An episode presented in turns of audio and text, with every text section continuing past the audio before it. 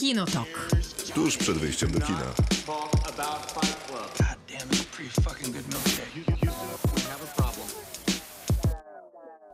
Krzysztof Majewski. Miłosława Bożek. Dwie godziny z filmem i serialem, czyli Kinotok czas zacząć. Jutro będziemy podcastem, a dzisiaj zaczynamy od W robocie.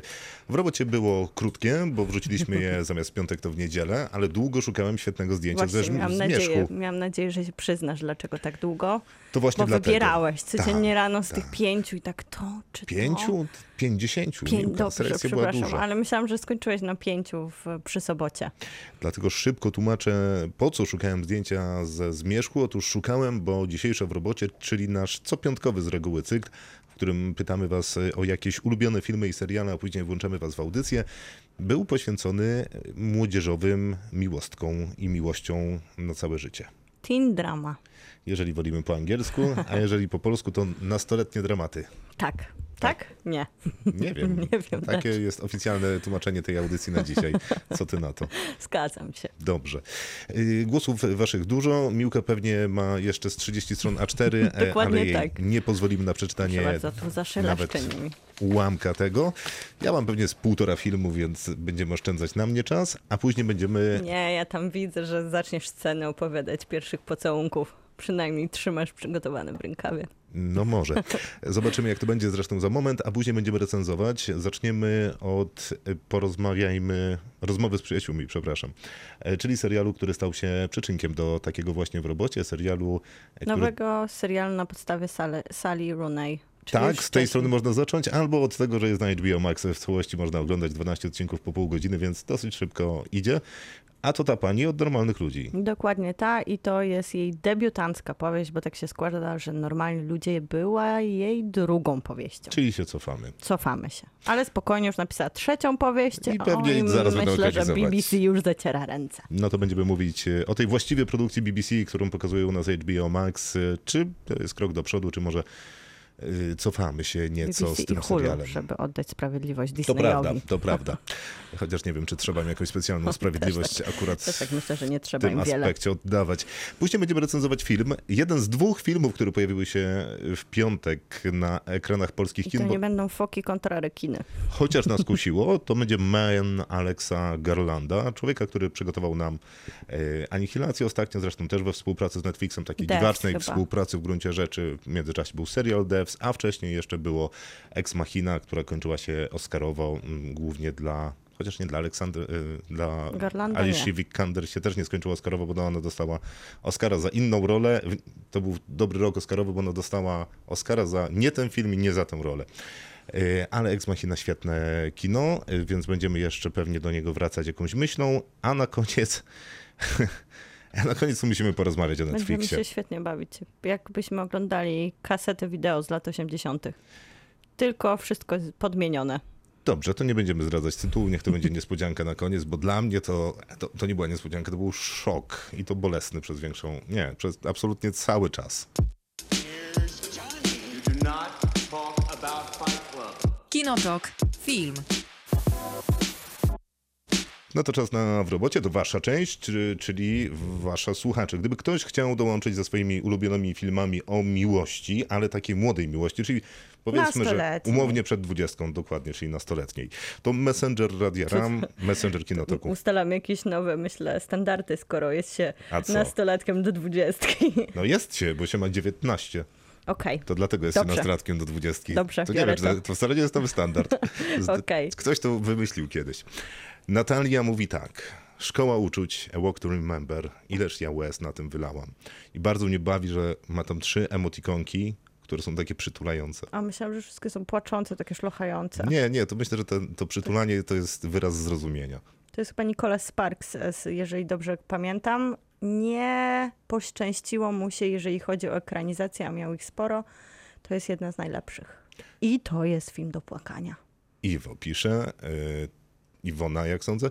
E, Czy ktoś oprócz mnie pamięta serial Felicity, w którym tytułowa bohaterka w ostatniej chwili zmienia swoje plany na studia tylko dlatego, że chłopak, który jej się zawsze podobał, uśmiechnął się do niej na koniec szkoły. Pamiętasz? Czy Iwona to pisze, tak? E, Tak sądzę, że to Iwona, bo ma taki Iwos. Iwona, Iwo. ja ci dziękuję, bo ja dzisiaj Hmm? wpisałam sobie ten serial w internet, później oglądałam coś, co kocham najbardziej, czyli takie takie zmontowane przez fanostwo filmiki, pierwszy pocałunek, najważniejsze sceny z ich związku i w Pierwsze spojrzenie na przyspieszeniu on- zdążyłam zobaczyć cały serial, gdzie na przykład dopiero w drugim sezonie A następuje... nie widziałaś go wcześniej? Nigdy go nie widziałam, jestem podniecona, bo to jest mój plan na wakacje Bo teraz. mi się wydaje, że ja go kiedyś widziałem. Nigdy, W nigdy, sensie, nigdy. nie żeby całość oczywiście, ale że widziałem na przykład dwa odcinki Gdzieś tam ci przypadkiem. mignął w telewizji. Czekałem na drużynę A czy coś w tym guście.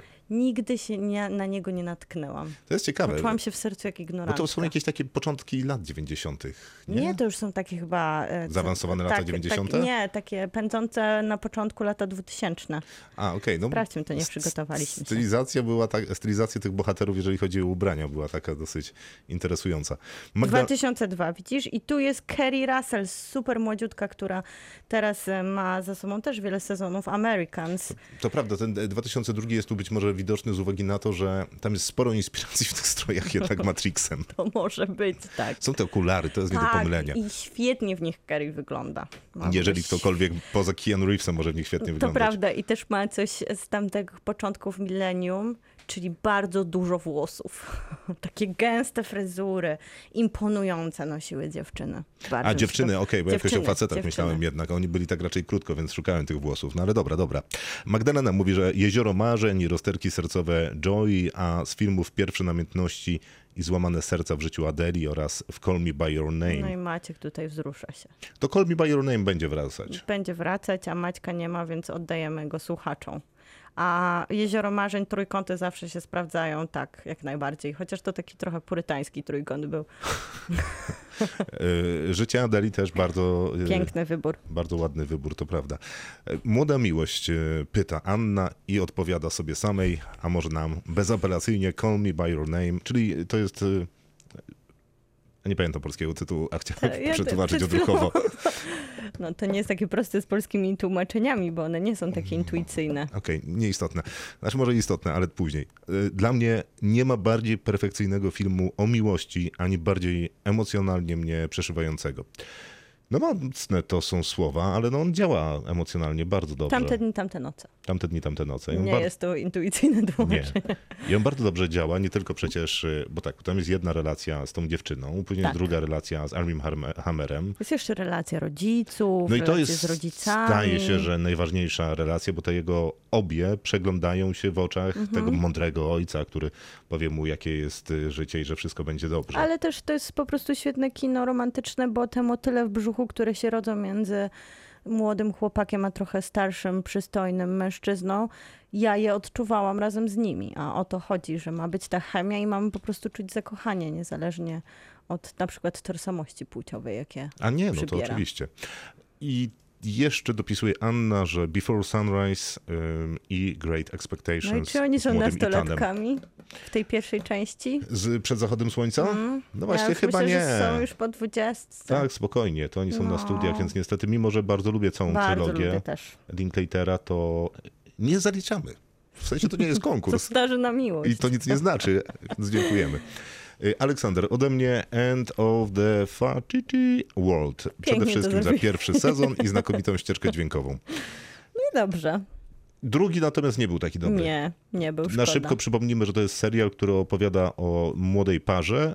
On w myślach chce wszystkich zamordować. Taki bardzo cyniczny obraz e, nastoletniej miłości. Nie, to jest chyba trochę podszyty. więcej, bo on chce w myślach wszystkich zamordować. Tak, tak. I nawet się pojawia ten element przemocy, który Mhm. w sumie łączy tą parę i ich podróż przez Amerykę, a wszystko na podstawie komiksu, który właśnie ma taki brytyjski sznyt, chociaż jest to amerykańska produkcja, to tak świetnie się bawi tymi estetycznymi tropami. Było to ładne, było to ciekawe i pokazywało młodzież w taki niesztampowy sposób. Tak, dosyć. Nie Dosyć. jestem Mam 16 lat, chcę wszystkich Dosyć. wymordować. I to nie w cudzysłowiu wymordować No właśnie, wszystkich. albo w cudzysłowie myślę, że wielu Cudzysłowie 16, wie nawet. z 16-latków tak myśli o rzeczywistości. I hate them all. No ona ma takie podejście bardziej nastoletnie, jest, że myślę, naprawdę że wszystkich szczere. nienawidzę. No okej. Darek, emocjach, wiesz, w hormonach. chyba robię się bardzo stary, bo prawie nic nie pamiętam z młodzieżowych filmów, ale to moja wina, bo nie oglądałem Jeziora Marzeń i Beverly Hills 90210. Kolega polecił mi szwedzki, e, znowu jest fa... E, Amal. Amal. Obejrzałem kiedyś się w TVP, dziś by to nie przeszło, świetny film. Kompletnie nie mam pojęcia, co to jest. To też jest e, o romantycznej miłości, tym razem między dziewczynami dwoma młodymi. Ale co, Bardzo. widziałaś? No pewnie, to taki klasyk jest. Pi, pi, pi, Amal, który ma, e, co najlepsze, ma też swój amerykański tytuł, taki bardziej przystępny do czytania na antenie. Więc jak wpiszesz, to tam ci wyskoczą jeszcze dwa jego tytuły. Bardzo fajne kino. Nie- Taki klasyk. Wyskoczyły mi dokładnie te same tytuły w razie czego. Ja powiem, Marek mówi tak, nazywa. nie mój temat, ale pamiętam pierwszą randkę w kinie na wirującym seksie i teksty wybranki po tym, jak mnie chwyciła za rękę, jak mnie kochasz, to mnie puść. Minął dzień i Marek dopisał. Zapomniałem dodać, że trzymałem twardo do samego końca. Ja tu sprawdzam, słuchaj, film. Ty się więc- Markiem wzruszaj, a No, nie. przepraszam, nie, nie, nie uczestniczyłam. Cały film trzymał dziewczynę za rękę, mógł mieć popcorn. Nie, no lepiej dziewczynę trzymać za rękę. Nie Ale no, ja myślę- rozumiem, ale jako to była próba charakteru. To prawda. Ale miał jeszcze drugą. No nie wiem. Ale chciał, myślę, że mo- może nie chciał rozpraszać z tego momentu. Izabela, zbuntowany anioł to był sztos. Wspaniały głos. Który to był zbuntowany anioł? To ten z Jessica Alba? Nie, to była telenowela. A Jessica Najsłynniejsza Alba te- grała w czym? Jessica Alba jeździła na mo-? Ania, tak, jeździła na motocyklu w takim skajowym kombinezonie, Skajowy to był latex, a nie Sky. skajowym lateksowym Ona była kombinezonie. Trinity przed Trinity. A e, Zbuntowany Anioł to była jedna z największych telenowel, wielki hit. A, to e, czekaj, no to Która oczywiście. miała taką świetną piosenkę, którą jak teraz puścisz, to wszyscy nasi słuchacze już będą ją nucić, dopóki nie zasną. I ona nosiła swoją czapeczkę tak przechyloną do, na, odwro- na odwrót daszkiem do tyłu. Tak, tak, tak, tak, dobra, oczywiście, I- oczywiście. No i Y, to- kawałek popkultury naszej polskiej. Nie, to jasne. Ja nie wiem, dlaczego mi się zawsze ta Canto. Dolor, czy jakoś tak się nazywała. Oczywiście źle to powiedziałam, ale... Y, Kamil, jeszcze od razu na myśl przychodzi mi Earl i ja i umierająca dziewczyna, który No poruszył pewnie. mnie lata temu, jasne.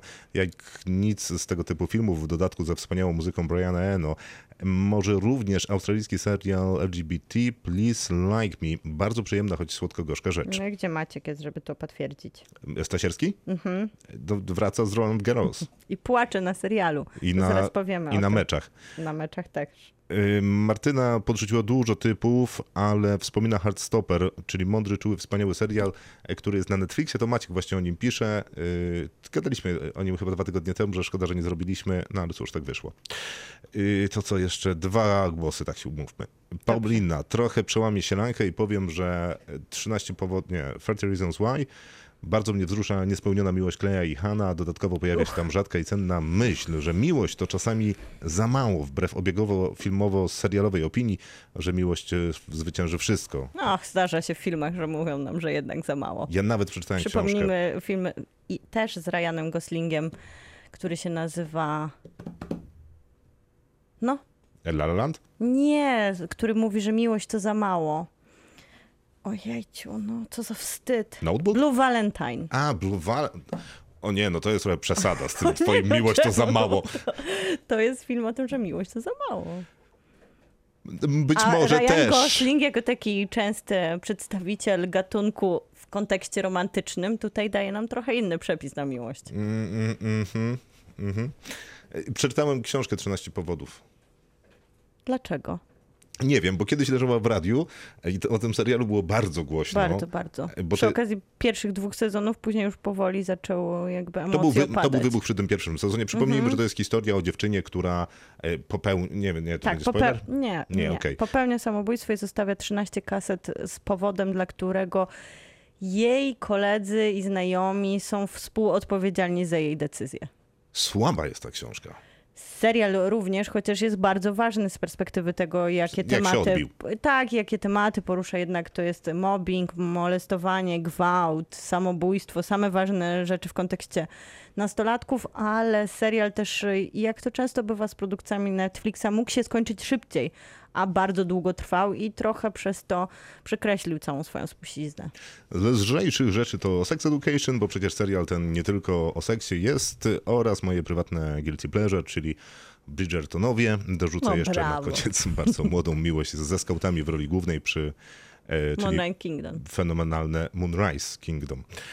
E, I jeszcze miał być jeden głos. Martyna mówi, że ma słabość do opowieści z rodzaju coming of age. Do moich ulubionych należą Lady Bird, Boyhood i Baby Thief. Jednym słowem sztosy.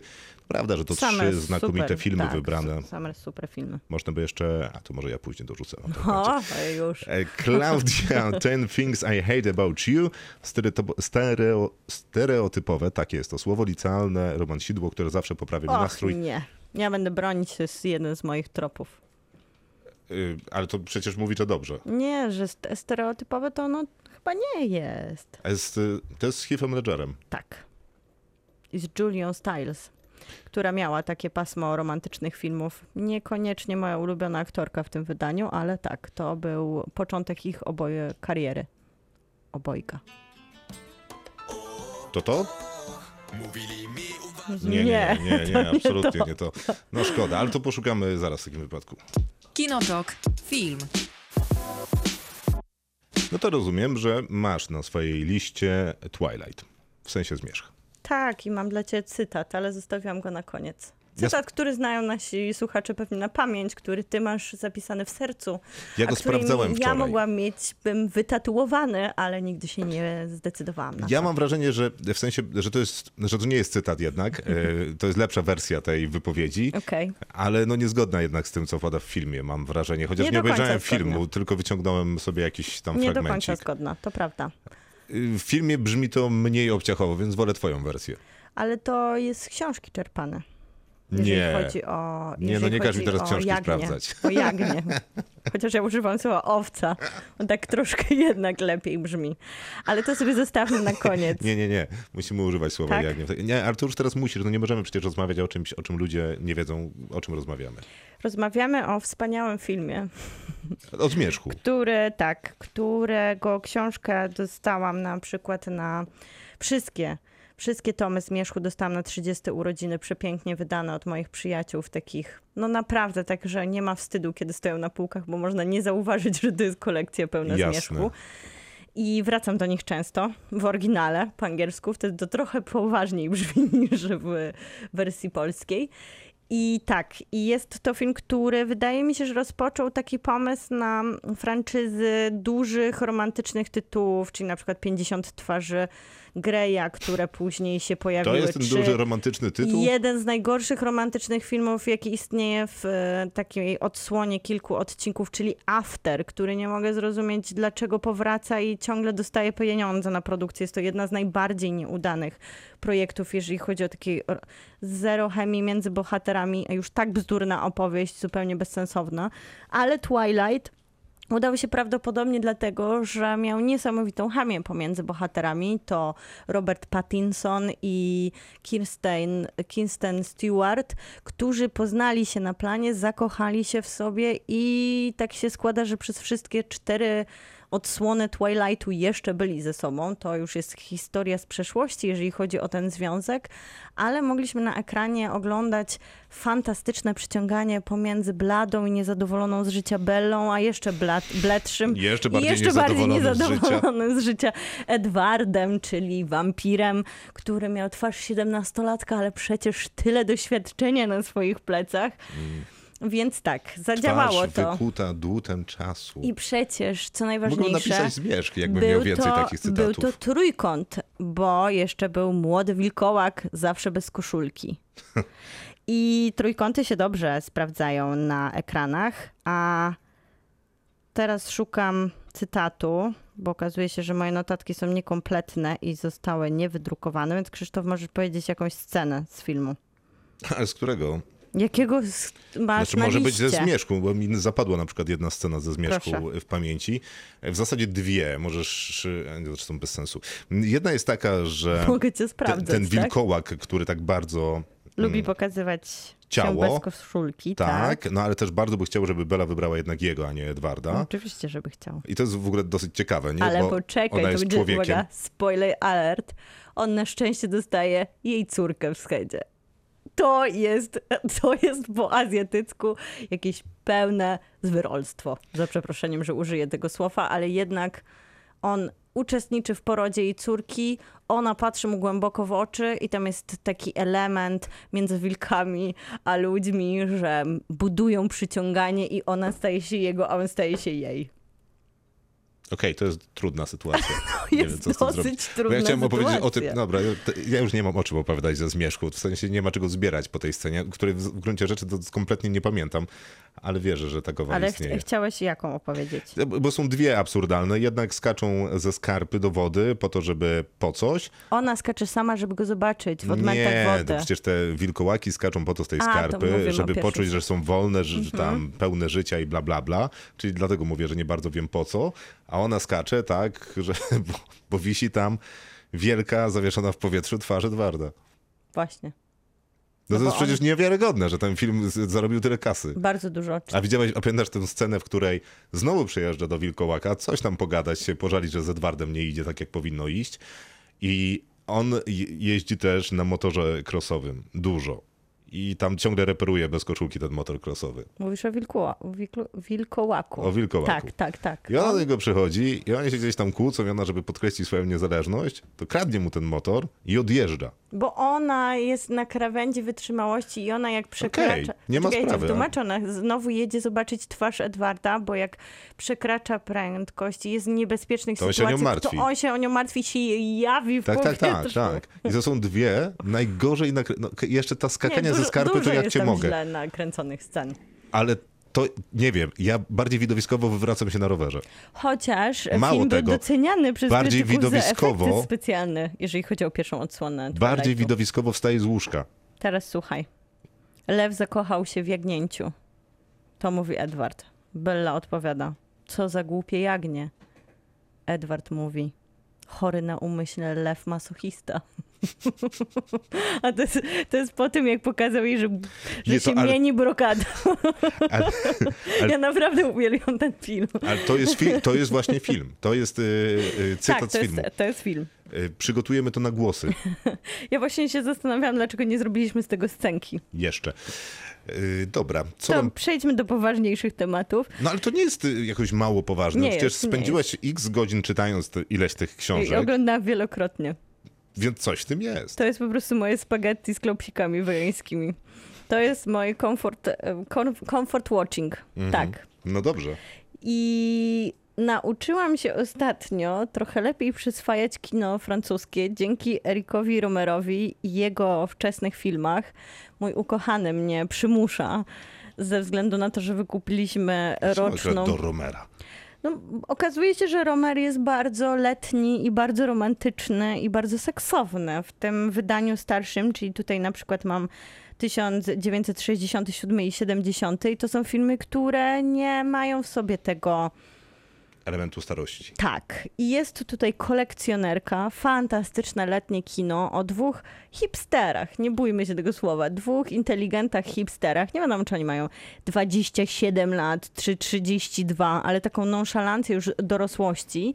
Ej, I ale my oni... tu o nastolatkach Nie, rozmawiamy. poczekaj, poczekaj. No, no I oni jadą na wakacje i w willi, którą tam udostępniają im bogaci znajomi, oni, oni oczywiście są na bosaka biedni i wykształceni, zamieszkuje również nastolatka, która kolekcjonuje mężczyzn. I oni w pewien sensie chcą, chcą być częścią tej kolekcji, a z drugiej strony odpowiedzieć na to kolekcjonowanie, przez nią mężczyzn swoim niby dorosłym sprytem. Więc jest taka bitwa na uwodzenie pomiędzy bardzo młodziutką dziewczyną, a wydawałoby się doroślejszymi mężczyznami, a zwłaszcza jednym mężczyzną. Jest to bardzo takie seksowne, pełne słońca, ale też kontrowersyjne kino, takie trochę spod znaku Lolity. Jest coś niepokojącego, zwłaszcza, że nie wiemy ile lat mają ci mężczyźni. I podobny kontrowersyjny temat jest Kolanie Klary, gdzie też bardzo dorosły, oczywiście inteligent, przyjeżdża dyplomata, przyjeżdża na południe Francji, żeby się tam spotkać ze swoją przyjaciółką. Oni prowadzą takie przeintelektualizowane rozmowy na pięknych plenerach i tam wszędzie są piękne nastolatki i on się fascynuje kolanem jednej z nich. Po prostu ma fetysz na to kolano. Fetyszyzuje i fetyszyzuje. I z jednej strony uwodzi go bardzo młodziutka dziewczynka, a on fetyszyzuje o kolanie jej siostry. Też bardzo letnie, też bardzo fajne kino. I takie właśnie na granicy dobrego smaku, bo nie wiadomo, czy tak. Czy teraz już by chyba nie można było opowiadać e, takimi kodami. Starszy mężczyzna, naprawdę młode. Można się nie bać tego dzieci. A później mamy bardzo uspółcześnioną wersję niebezpiecznych związków, czyli szkoła uwodzenia, Cruel Intentions. Tutaj też mamy kontrowersję. Siostra i brat przyrodni zakładają się. On ma uwieźć dziewczynę. Jak mu się uda, to ona mu pozwoli się ze sobą przespać. On uwodząc tą dziewczynę, a jest to Reese Witherspoon, czyli wtedy już jego narzeczona, a mówimy o Ryanie Filipie, to uwodząc ją oczywiście się w niej zakochuje. I to było, to było fajne kino. To był wielki hit.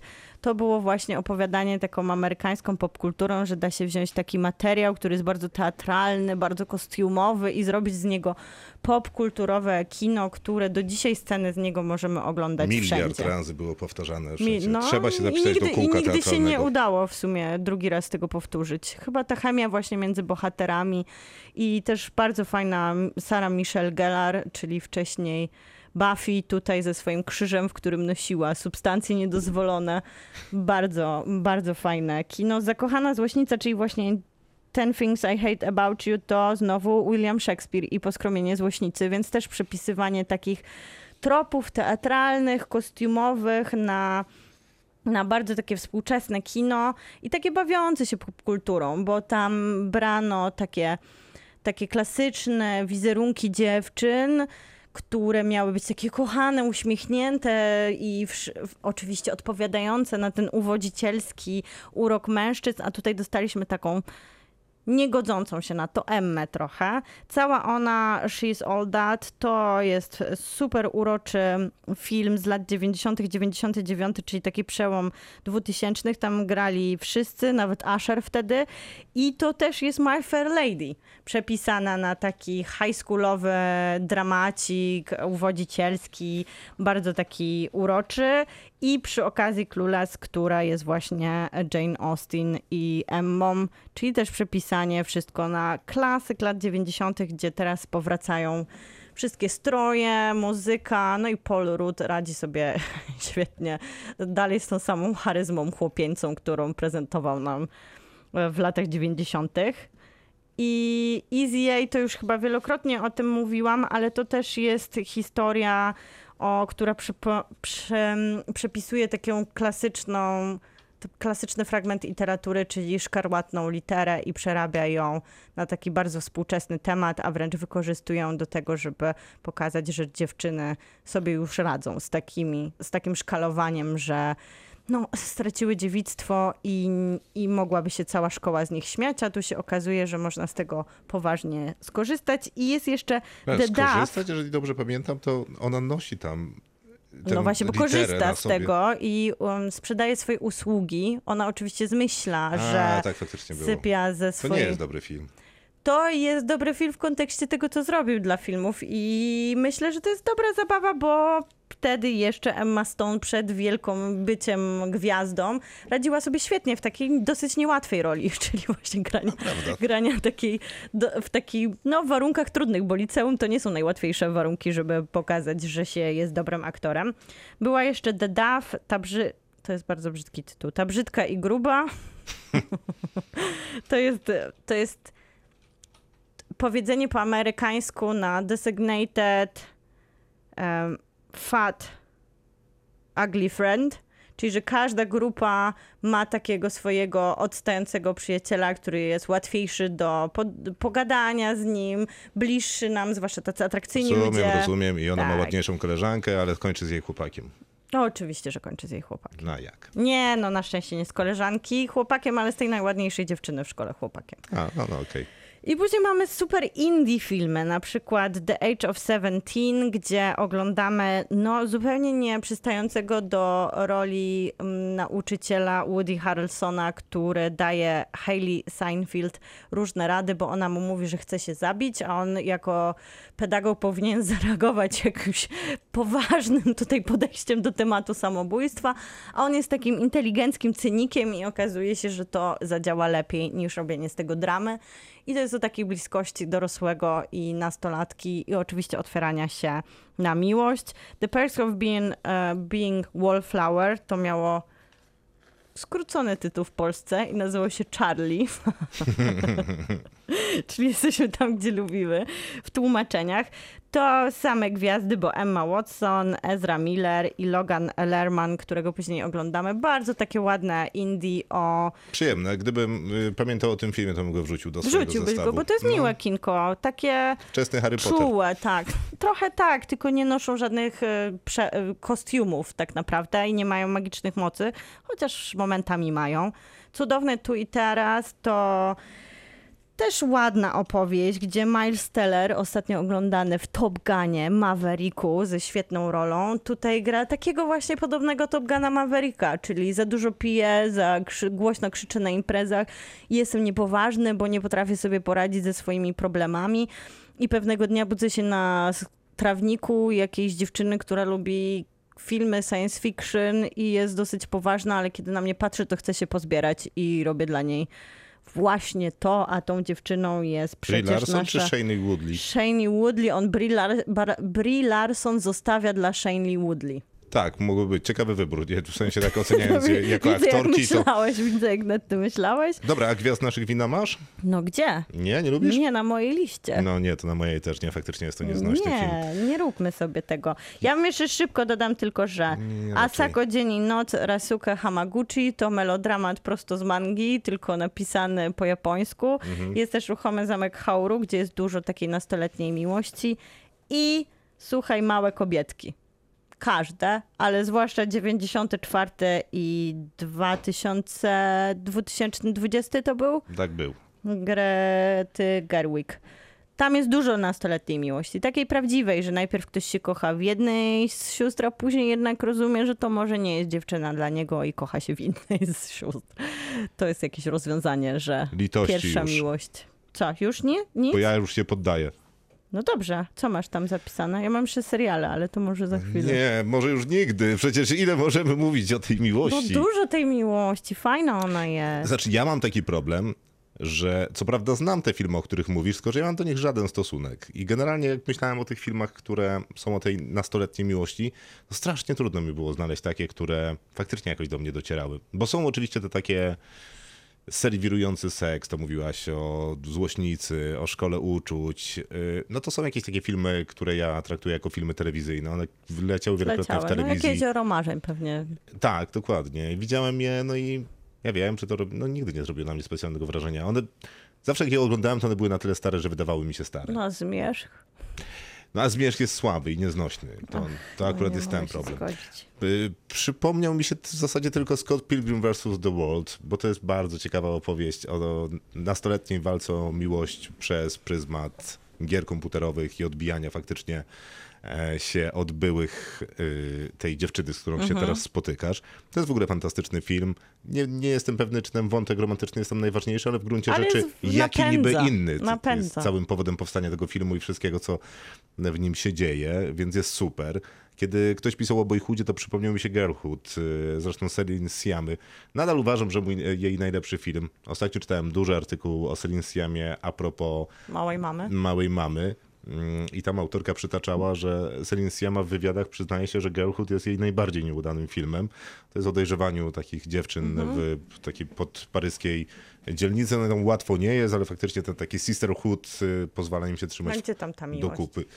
Y, No to właśnie ten sisterhood A, w jako ten sposób miłość, to nie? traktujesz, dobrze. Y, I No I dobra, to jest ciekawe, ale- no ale bo jest najcieplejszym filmem serii Siamy, moim zdaniem, mimo wszystko, a wszystkie pozostałe są taką laserową chirurgią. Przypomniał mi się Step Up, to mnie, No i świetny wybór. to mnie dosyć cieszyło, ale bardziej z uwagi na choreografię, bo Channing Tatum nie wydaje mi się, żeby mógł być nastoletnim bóstwem, który ma wypisany miłość na twarzy. Ale był zakochany w swojej partnerce, która była wie, wiele, wiele jak na Hollywood lat jego żoną, dopiero ostatnio się rozstali. Naprawdę? Tak, oni po Myślałem, byli... że on- w- no, ale ona nie zagrała chyba w niczym. Nie, no była później żoną Chan- Aha, to już nie musiała. Ona też nigdy nie, chyba nie miała po drodze do grania. Ona jednak była zawodową tancerką. Świetną, i to bardzo tak. dobrze wypadło zresztą. Więc tam widać tą chemię między nimi. To działa, że Tak, ale pomiędzy w, nimi jest w seks. drugiej części już jej nie ma. Bo już to pewnie małżeństwo. Ale dalej działa. Albo zarę... Ja nie pamiętam, kto był kolejną y, wybranką serca, bo ich tam było wtedy Ale więcej. nie, to chyba w drugiej części już też Channing Tatum się zmienił. Tam się zmieniali Dobrze, bo oni wraca, wracają tak. dopiero w tym 3D, tak, nie? tak, tak, Bodajże. tak. To mówię o tym wtedy- 3D i tam też jest dobrze. Y, No i przypomniała mi się cała grupa mm, y, filmów y. I one są na granicy, bo one są albo high schoolowe, albo koledżowe, ale generalnie nazywa się je miłości. k- koledżowymi. No jak to? Przecież tam jest zawsze miłość. no i dajesz. Taka tytuły. seksualizowana oczywiście, Oczywiście. No wszystkie American Pie. Przecież one są o miłości. Co prawda ta miłość No, polega na tym, no. że słuchajcie panowie, przed maturą, czy tam studniówką w zasadzie, czyli tym prom nightem, wszyscy e, musimy skończyć z dziewczynami w łóżku, bo jak pójdziemy do koledżu jako ci nierozdziewiczeni, jakby to był jakiś największy problem świata, ale być może jest. Może być.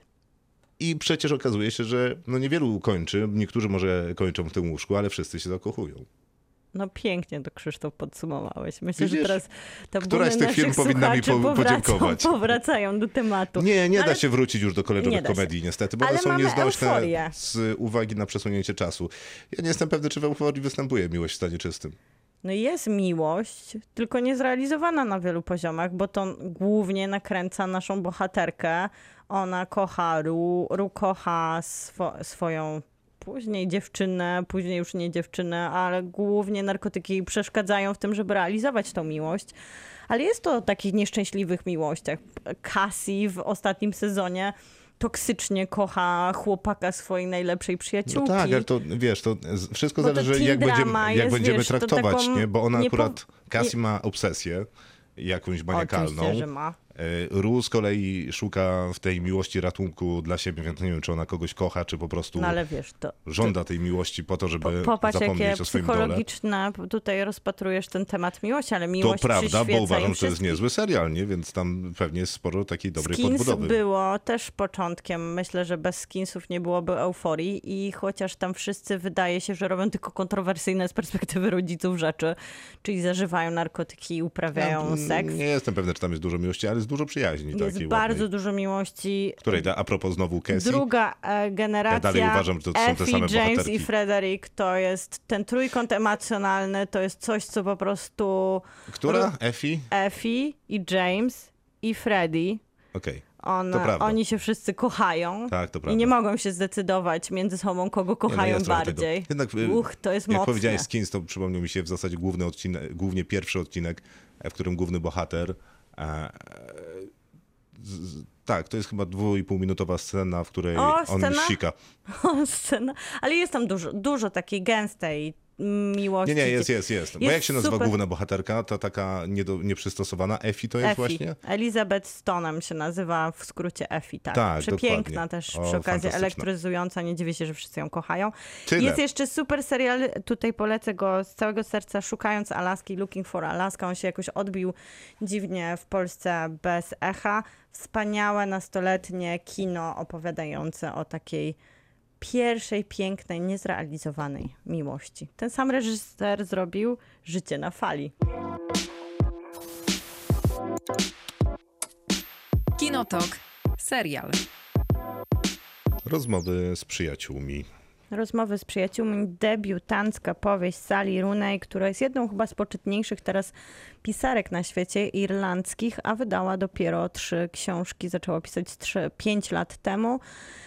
I trochę interpretuję jej literaturę, a jestem na bieżąco, bo również Jestem już, przeczytałam wcześniejsze dwie i jestem też po lekturze najnowszej książki, kiedy miałam covid nie miałam siły na nic i wtedy dokładnie były dwa dni po premierze najnowszej książki Sali Runej i stwierdziłam, to jest idealne na audiobooka, żeby tak leżeć i chłonąć.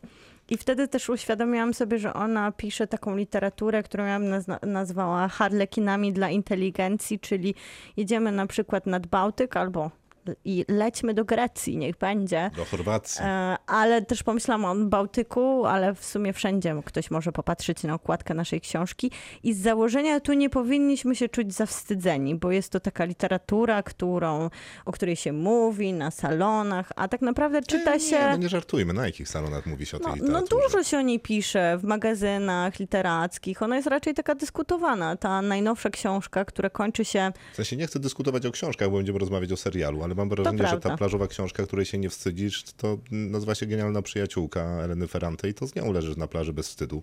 Ja myślę, tam- że z Sali Runej też leżysz bez wstydu. Ja bym leżał ze wstydem po tym serialu. Ja bym nie, ja, ja nie, nie odczytywałabym jednak przez ko- kod tego serialu Kwadrans to, rozmawialiśmy są, o zmierzchu, więc no prawda, ale nie ma rozmowy czegoś takiego jak książka i wstyd. jednak są dużo sprawniejszym spojrzeniem na toksyczne związki i chociaż można się śmiać z tych harlekinów, to nie bez przyczyny tak e, czytana jest na świecie Sali Runej, bo ona ma całkiem wnikliwe spojrzenie na dysfunkcyjne relacje i pisze o tym dobrze i ostatnia książka, która oczywiście skupia się na podobnym, podobnej tematyce, kończy się finałowo takim happy endem, coś co nie było wpisane w jej wcześniejsze dwie książki. To zbulwersowało krytykę najbardziej i właśnie wydaje mi się, że to było ciekawe, że ona nie daje nam takich łatwych odpowiedzi, to nie są love story, Ja tego nie nich. wiem, w sensie wierzę, że tak jest w książkach, ale ich nie czytałem. Ja mówię to o serialu. Normalni Dwóch ludzie, byli, normalni ludzie byli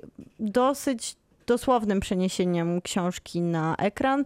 Tutaj wydaje mi się, że trochę uproszczono całą opowieść, a dostajemy serial BBC i Hulu, dokładnie tak samo jak w przypadku adaptacji pierwszego, pierwszej książki, czyli Normalnych Ludzi. 12 odcinków po 30 minut. Czyli podobny format jak normalni ludzie, i jest to opowieść o młodej dziewczynie, studentce, pisarce początkującej. Sali Runej lubi na bohaterki samą siebie pisać, Tak, więc one, zresztą aktorki, które wybiera są... e, dosyć fizycznie do niej podobne. Tak, to prawda. Tak, tak, więc A Alison Oliver, która gra Frances, która jak mówisz jest pisarką, jest pisarką, ponieważ zdecydowała, że nią będzie, nie, co nie znaczy, że coś napisała. Pisze wiersze oraz pisze stand, no, takie slamy poetyckie, które przedstawia razem ze swoją przyjaciółką slash byłą dziewczyną, z którą tworzy razem taki tandem dynamiczny młodych poetek. Ona odpowiada za tekst, a jej przyjaciółka odpowiada za charyzmę, którą ma naturalnie, którą wnosi ze sobą. To jest aktorka, która nie jest przecież aktorką, a Sasha Lane jest e, naturszczykiem, który odnalazła. Oglądaliśmy ją w filmie. Nie pamiętasz? Pamiętam, ale staram sobie przypomnieć. Dobra, zaraz e, powiemy. Przyjaciółka Bobby. I tak, i one tworzą taki tandem i poznają przy okazji jednej z mm, jakichś wyjść, poznają młode małżeństwo. Ona jest uhonorowaną już pisarką na szczycie kariery, on jest aktorem. Oboje są tak gdzieś około 30, dziewczyny mają po 20 lat. Są na ostatnim roku studiów. Dokładnie. I dochodzi do takiego czworokątu, który gdzieś, e, gdzieś jest chemia pomiędzy Będziemy Bobby. się pos- posługiwać tymi imion- imionami, więc ten mężczyzna, aktor, to Joe Elwin i on gra Nika, Tak. a pani to Jimmy McKirk i gra Melisę. No i to jest ciekawy wybór, e, jeżeli chodzi o casting, bo Jeremiah Kirka jest e, aktorką, którą znamy najlepiej z Girls, dziewczyn, serialu HBO, gdzie grała taką najbardziej charyzmatyczną, najbardziej seksowną, uwodzicielską i nieogarniętą bohaterkę, właśnie w takim dwudzie- w dwudziestym swojej wiośnie życia i tutaj trochę wydaje mi się, że gra siebie dorosłą, trochę już przepaloną przez to życie, z jednej strony spełnioną, ale jednak w tym tej konfrontacji z młodością dwóch pojawiających się w jej życiu bohaterek jest na takiej lekko przegranej pozycji. I myślę, że to był świadomy wybór, żeby ona też e, opowiadała tą swoją wcześniejszą bohaterką serialu. A poza tym, tak samo było w wypadku BBC i Hulu produkcji Normalni Ludzie. Casting jest bardzo świeży. To są aktorzy, których nie oglądaliśmy praktycznie nigdy na ekranie. Zupełnie nowe twarze, bez żadnego kontekstu, poza Jeremiah Kirkę jakiegoś aktorskiego, no poza Saszą Lane, którą zaraz e, Przypomnijmy przypomnimy. sobie, gdzie Tak. widzieliśmy. I no i mamy ten czworokąt i gra on na takim American zdobywaniu. Honey. W American Honey, dokładnie. Z Saszą, e, z Saszą Lebowem, naszym ulga. ulubionym aktorem. Szyją lewa. Szyjem Lebafem, Saszą. No dobra, y, historia jest dosyć prosta, no bo y, jest to utytułowana pisarka i ma, jak zresztą wyraża się w pewnym momencie Frances, tego trophy husband, czy też trophy boyfriend, czyli takiego chłopaka, który świetnie wygląda. Zwykle to jest trophy wife, a tutaj jest to Tak, odwrócenie. Tak. Dobrze się pokazać z nim w towarzystwie, bo dobrze wygląda i jeszcze nic głupiego być może przy winie nie powie. Albo mówi bardzo mało, co pewnie jest bardzo wygodne w kontekście trophy husband. On w ogóle jest niewiarygodny, w sensie ten sposób jego mówienia przez cały serial mnie po prostu powodował, że zapalały mi się ognie piekielne w oczach. Bo on mówi w taki, w taki sposób, jakby to miało być jego ostatnie słowo każde, który mówi. Tak, mówi z Zapytaj takim o coś. drżeniem i z takim cierpieniem w Będę, głosie. będę grał teraz. On jest emo, chociaż wydaje się za stary na to. Oni ogólnie mają taki pretensjonalny sznyt wszyscy i, i trochę wydaje mi się, że to jest to, co robi... Znaczy, zdradzimy sprawnie. chyba zawiązanie akcji, prawda? Dochodzi do romansów. Różnych, to prawda. Różnych. Bo na imprezie, którą organizuje ta para, aktor i pisarka, y, Sasha Lane, Bobby, przyznaje się, że pocałowała gospodynię. E, Między nimi jest chemia i przyciąganie i taka, tak, Tak jest. takie naturalne połączenie od początku. I dla niej to jest takie naturalne, no bo tam granice są umowne i, i, i jesteśmy ludźmi i powinniśmy chłonąć życie. No i najwyraźniej Melissa ma podobne podejście. No tylko, że Frances, czyli nasza główna bohaterka, niespecjalnie przyznaje się, że pocałowała namiętnie Nika, czyli jej partnera męża. No bo tu dochodzi do takiego rozdzielenia, że, te, że Melissa i Bobby mają sobie takie naturalne charyzmy i to przekraczanie, czerpanie z życia jest czymś niezobowiązującym w kontekście takich eksperymentów, a od razu Frances to jest to jest na ostrzu noża, to jest, coś, to jest coś wielkiego, to jest wielkie wydarzenie. No i okazuje się, że Nick, Nick ma podobne emocjonalne konteksty, w sensie czerpią z podobne, podobnie sobie budują tą opowieść o tym, że to jest takie romantyczne, że to jest takie ważne, ale też wydaje mi się, że tutaj jest nabudowanie tego, że podniecające dla nich, chociaż na jakimś poziomie upokarzające, jest to, że ukrywają to, ukrywają przed najbliższymi. On ukrywa to przed żoną, z którą jest bardzo blisko i którą kocha, ona ukrywa to przed przyjaciółką, z którą jest blisko i kocha. Y, Tak, natomiast y, tam akcja się w różny sposób rozwija, chociaż nie wiem na ile będziemy spoilerować, Nie, może nie lepiej spoilerujmy. wcale, chociaż też ten serial nie ma wielu zaskoczeń, bo jesteśmy w takim środowisku bohemy, które jak się spotyka to pije wino, rozmawia o książkach albo o tych, które przeczytali, albo o tych, które piszą, albo o sztukach, w których zagrali, albo o sztukach, na których byli. I te rozmowy są nieciekawe, bo... Ale pewnie tak by wyglądały rozmowy, gdybyśmy je podglądali. Takie autentyczne rozmowy. Tylko nie wiem, czy po to się robi serial, żeby pokazywać nam, że te rozmowy często są pretensjonalne i o niczym. W sensie można oczywiście pokazać, no bo to jeżeli, bo wszyscy oczywiście zawsze chcą obśmiać Bohemę, że jest taka, wiesz, on, e, a tak naprawdę nie ma nic ciekawego do powiedzenia, no tylko jak przez 12 odcinków pokazuje mi się, że ta Bohema nie ma nic ciekawego do powiedzenia, no to w zasadzie po co mi to przez 12 odcinków pokazywać? To jest Dlatego problem wydaje mi się, odcinków. że można było to poprowadzić w jakieś ciekawsze rejony, chociaż kilka razy. Tu w, Ale tutaj pewnie ten y, krajobraz nie jest najważniejszy dla serialu, tylko to, co dzieje się między tą dwójką bohaterów, a oni mają zdecydowanie jakiś problem komunikacyjny, który próbują zastępować telefonami. I teraz tylko podejrzewam, że skoro czytałaś książkę, to w książce to może wypadać całkiem nieźle, że oni tam patrzą sobie w oczy, a tak naprawdę nie patrzą, bo nie są w stanie, coś tam wymąkują, uprawiają seks, idą do domu, więcej nie potrafią i wtedy zaczyna się rozmowa, tylko przy użyciu komputera czy tam telefonu komórkowego, komunikatora takiego czy innego.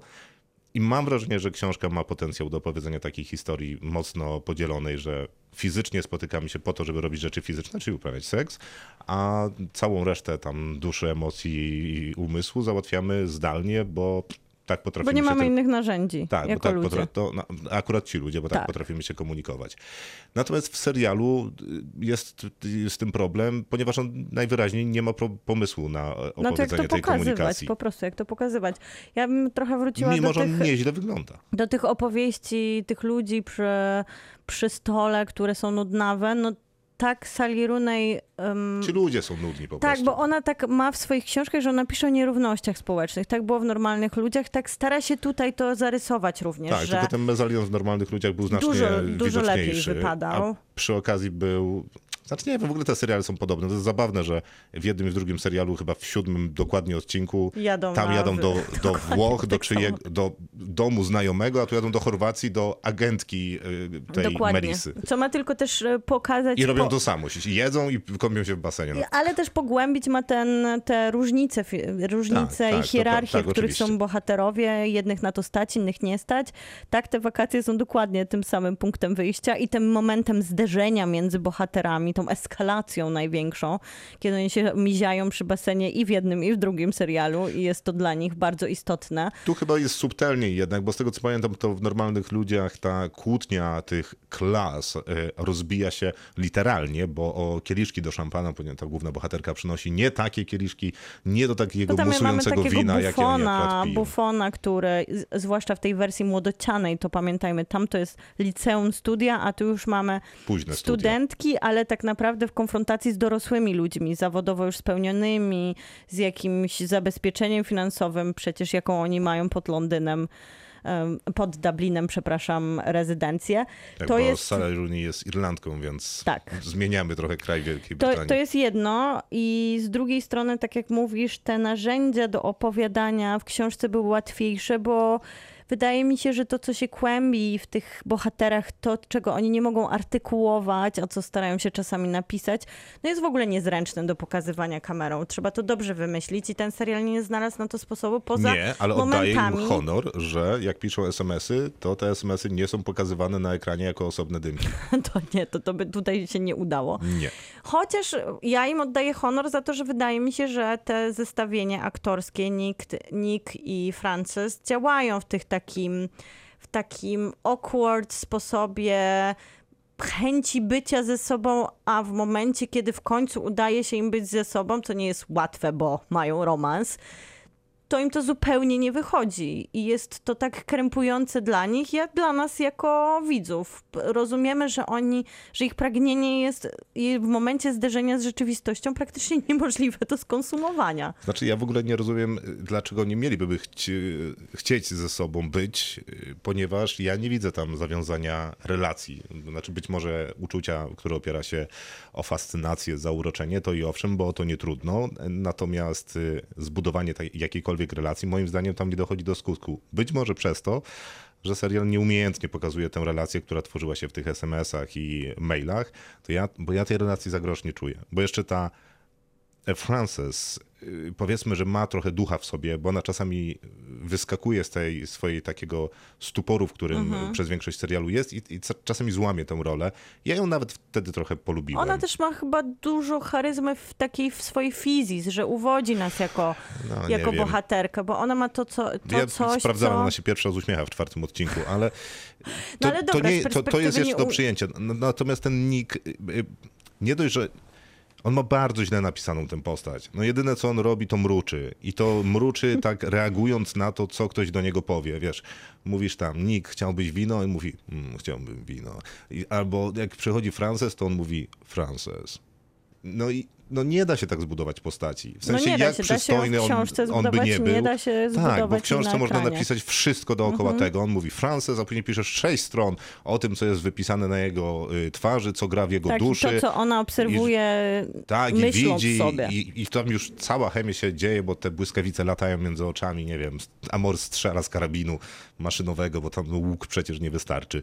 Więc no, nie jestem w stanie znieść tej Ja postaci. mam chyba ten problem, że y, dla mnie jest trudno się oddzielić od tej książki, która mi przynajmniej Na nadaje pewno. jakiś kontekst i dlatego pewnie lepiej traktuję ten serial, chociaż on nie powinien mieć 12 odcinków, bo nawet ta formuła 30 minut, 12 odcinków i to, że mam, ja miałam ochotę cały czas wracać do tego serialu i oglądać dalej i było w nim coś dziwnie takiego hipnotyzującego, że chciało się być z tymi ludźmi, pojechać z nimi do tej Grecji, wrócić z dziewczynami do tego dosyć smutnego mieszkania w Dublinie. Ono jest bardzo estetycznie dobrze zrobiony, podobnie jak normalni ludzie, jest jakiś taki lekko przeestetyzowane w tą stronę, nie taką przyjaskrawioną, jak, jak myślimy teraz, nie wiem, o euforii, ale właśnie w taki brytyjski sposób, w tych brązach i kolorach, w tych zbliżeniach na bohaterkę, gdzie właśnie ta elektryzująca jej fizis, która ma wynikać nie z tego, że ona jest przepiękna i uwodzicielska, tylko normalna, a my powoli odkrywamy jej seksualność, jej seksowność, jak ona działa na ludzi, bo w nie jestem pewny, czy on, ta postać nie jest budowana trochę jak w Harlekinie, że ona jest taka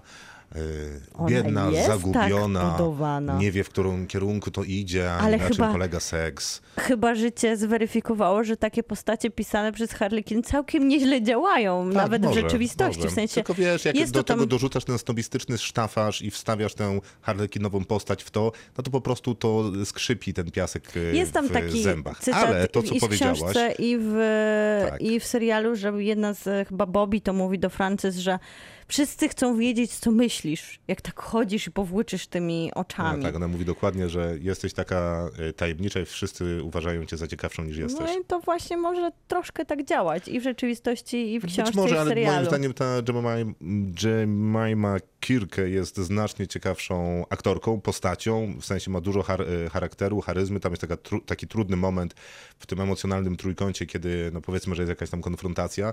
On naprawdę dobrze to gra i ma w sobie taką silną, kompetentną kobietę sukcesu, e, złamaną paroma swoimi też błędnymi decyzjami, aczkolwiek nie tylko swoimi. E, Jej znosi to z jakąś taką dobrą godnością, ale też widoczną na twarzy i w mowie ciała e, no, jakby I te- bólem i radością. Natomiast to, też- co powiedziałaś o tym, że ten serial świetnie pokazuje mieszkania, przestrzenie, to wydaje mi się, że jest jego największy plus, że kamera pracuje znakomicie w tym e, serialu. Bardzo dobrze wybrane są lokacje. Ten Dublin jest pokazany jako miejsce interesujące, ciekawe, takie faktycznie miejskie, że no ma ta Sandy Rooney coś takiego, bo to też było widać w normalnych ludziach, że ona kręci taką prawdę o mieście. Ona zna ten Dublin, kompletne- ona nam pokazuje ten Dublin, ten Tak, serial go kręci- naprawdę pokazuje. Tak, kręci kompletne bzdury o ludziach, natomiast super rzeczy o mieście. E, A, Znaczy, ona, w sumie ona ich nie kręci. no, ale- w sensie, wiesz, w, w skrócie myślowym. Ale ja się zgadzam na przykład z tym, co mówisz o tej bohaterce, którą oglądamy na ekranie, bo ona przynajmniej przeżywa jakieś problemy, z którymi możemy się utożsamić. To jej złamanie, przynajmniej ja sobie tak Mówimy myślałam. o to- Melisie. Mówimy o Melisie. To jest złamanie przez taką młodość, która się pojawia w jej życiu, która, do której ona jest otwarta i ufna i ona chce podążać z czasem, być otwarta i ufna i ona ją wykorzystuje. W sensie ta młodość ją wykorzystuje, łamie ją, odbiera jej pewien gród pod nogami. Jest taki realny, jest czymś, do czego myślę, że większość widzów z czym może korespondować. Za to ta egoistyczna do bólu, ale ubrana w takie komunały, młodość, którą jest głów- główna bohaterka, która razem z tym Nikiem i Frances i Nick tworzą dosyć taką parę okropnych ludzi. W, w międzyczasie oni się obnażają z tego, że chociaż Frances się nam maluje jako taka niewinna, która, bohaterka, którą chcielibyśmy się opiekować i zająć i trochę rozumiemy, dlaczego Bobby przy niej trwa jej najlepsza przyjaciółka. I bardzo fajnie pokazują Tak, to, to te jest jej okropną kłótnie, osobą, tak, te kłótnie, w których ona jej wyrzuca pewne sytuacje. To, Kłótnie, w których piszą sobie maile. tak, to, to wydaje mi się, że nie jest takie głupie, żeby pokazać, że są ludzie, może to dla, do, dla ko- kogoś nawet spotkało, albo może ktoś myśli o sobie lepiej niż e, tak naprawdę działa, którzy dla swojej egoistycznej opowieści romantycznej są w stanie zupełnie bez em, skazy na sumieniu krzywdzić innych ludzi. No tak, na pewno. Być może to jest jakaś myśl. Mnie tam bardziej boli to chyba na poziomie dialogów, bo łatwo się złapać na ten serial, bo oni, zarówno ci starsi, jak i młodsi, wygadują straszne takie banały i banialuki, tylko że robią to ze śmiertelnie poważną miną i z takim tonem, jakby odkrywali najważniejsze prawdy świata przed tobą. To, to, to I mogę przy zrozumieć, że robi dwudziestolatek. Z Nie lekkim mogę... dystansem i uśmiechem. i trochę nie ufam y, temu serialowi. Dlatego wydaje mi się, że to jest taka. Ty mówiłeś, że to jest taki harlekin dla inteligencji. Mi się wydaje, że to jest taki dla. Dla kogoś, kto chciałby pozować na y, inteligenta. I nie mówię teraz, że teraz ocenię ten serial źle, bo y, ja jestem prawdziwym inteligentem, tylko wydaje mi się, że tak trochę jest wymyślony. Ja myślę, że jest strasznie uproszczony ten dialog i to Tak, niekoniecznie działa na plus, bo no jednak 12 odcinków spędzamy z często dosyć sporymi takimi egzaltowanymi momentami, w którym bohater, bohaterowie, zwłaszcza bohaterka główna, odsłania swoją duszę.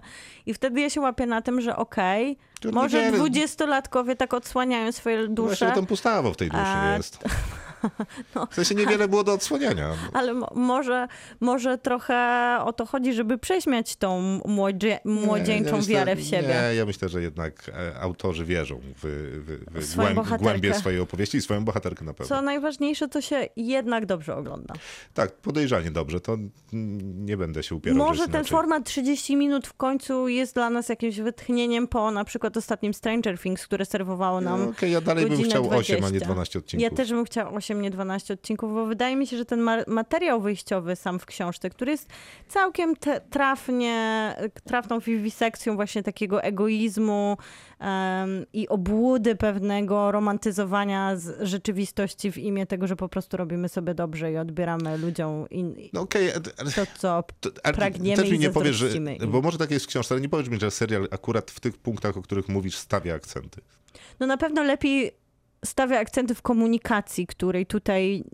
Nie, nie, nie, nie takie było pytanie. Mówiłaś o tym, że serial, y, że książka opowiadała o tym egoizmie w imię miłości, a ja zapytałem, czy powiesz mi, że serial stawia akcenty właśnie w tych punktach, że to jest dla niego najważniejsze, bo ja nie mam takiego no widzisz, że może mój problem jest taki, że nie umiem oddzielić oryginału od obrazu. Oceniaj.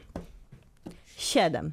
To Pie- jest trudna decyzja. Ale chciałaś dać więcej? Nie, chciałam dać sześć, ale ostatnio tyle złego oglądałam, że z tym się czułam po prostu całkiem nieźle. Ja mu dam pięć, bo naprawdę zaskakująco, mimo że bardzo mnie irytował ten serial, a już zwłaszcza ten nikt mnie doprowadzał do szału, to naprawdę nieźle to się ogląda. To się bardzo dobrze ogląda i to w obrazie działa.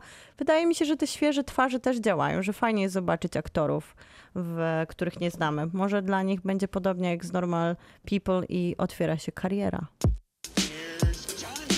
Not Kinotok. Film. To czas na film. e, film. Jedyny w tym tygodniu Nie. premierowy. Przepraszam, No w Foki zasadzie- kontra rekiny. Aha, w tym sensie. y, Tak, w kinach jed, je- jeden z dwóch y, premierowych. Nazywa Bardzo się Men. sytuacja. Tak, to prawda. Też nie wiem, dlaczego akurat na początku czerwca mamy taką sytuację, że tylko dwa filmy mają premierę. Z reguły jeden mamy pięć, siedem. No nic. Y, Rzecz nazywa się Men, reżyseruje Alex Garland, człowiek, którego znamy z Anihilacji, znamy z Devs, znamy z Ex Machiny. A głównie też znamy jako pisarza, który napisał The Tak. Beach, czyli Niebieską plażę. W ten sposób zaczął współpracować z e, Danym Boylem, a później napisał dla niego jeszcze scenariusze do 28 dni później i W stronę słońca. Taki był polski tytuł? W stronę Słońca, świetny film zresztą. Tak. 28 dni później Dreda też zresztą napisał. też. Świetny film też. Dread też bardzo dobry. Nie opuszczaj mnie, też lubię bardzo. To Hirokazu Koreda? To Nie, nie, to jest o klonach. Pamiętasz? O miłości między klonami tam To Kiera jest Hirokazu Koreda Knightley chyba. gra. To jest Taki chyba na jego podstawie jego książki. To on pisał scena- scenariusz do tego. E, czekajcie, ja autora? E, dobra, e, ja będę sprawdzał. Dobrze. I więc e, pisał scenariusze przez lata, pisał książki i napisał Nie, Ex Machinę, którą... To w- nie Korida, to- bo oczywiście pomyliłem, ale e, mów dalej. I tak, in zadebiutował Ex Machiną, wielkie zachwyty, wszyscy go pokochali, na pewno my go pokochaliśmy za to. Alicia Vikander, piękna, tak? Kazuo Ishiguro. O, Shigura, to, to, pra- to prawda. Więc on napisał na jego podstawie scenariusz. Do filmu, który lubię. Ja bardzo lubię, bardzo też ciekawy taki ten... No, e, to, co zazębia fabułę, żeby nie A używać później jakiegoś była po zwrotu. długiej przerwie Anihilacja. Książka bardzo fajna, co ciekawe wydana w Polsce tylko dwa tomy z trzech. Em, I miał być film z tego. Taki był plan, ale posypało się, bo z jednej strony producenci nie dawali mu takiej wolności, jaką chciał, studio się wtrącało, on miał inną wizję, Skończyły mu się pieniądze. skończyły się pieniądze i pojawił się Netflix i niekoniecznie dostaliśmy może dzieło kompletne i spełnione.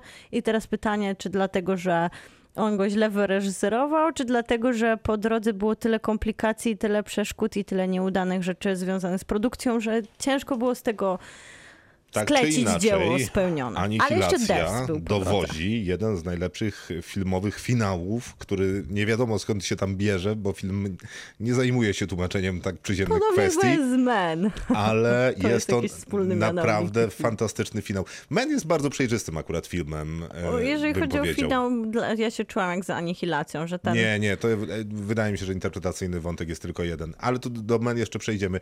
Ciekawostka jest taka, że Alex Garland ma jakąś taką grupę swoich tematów. Nie, on Tak. jest zainteresowany przyszłością ludzi, ludzkością, to co ludzie znaczą dla świata, jak nam mogą wpływać na ten na nas, świat tak. przy różnych tam narzędziach, którym główny jest umysł. Tu być może jest to ciekawy wątek, że jego dziadek dostał Nobla. Tak, to myślę, że pomaga mu w widzeniu i rozumieniu świata A inaczej. dziadek dostał Nobla, to Albo robił takie, a nie inne był kino. wychowywany w taką... chyba Nobel z biologii, jeżeli dobrze pamiętam. A, y, Ale trochę się to zmienia przy okazji jego najnowszego filmu. No, Zupełnie się zmienia. On tutaj wybiera nowe ścieżki, jednak nie zostaje przy tych tematach. Devs jednak był takim kompletnym, To o komputerze kwantowym tak, powiedzmy przede wszystkim. myślę, że opus magnum przy tym, co wcześniej opowiadał Rex Machinie i w Anihilacji i tutaj ten serial świetnie przyjęty przez nas i przez krytykę.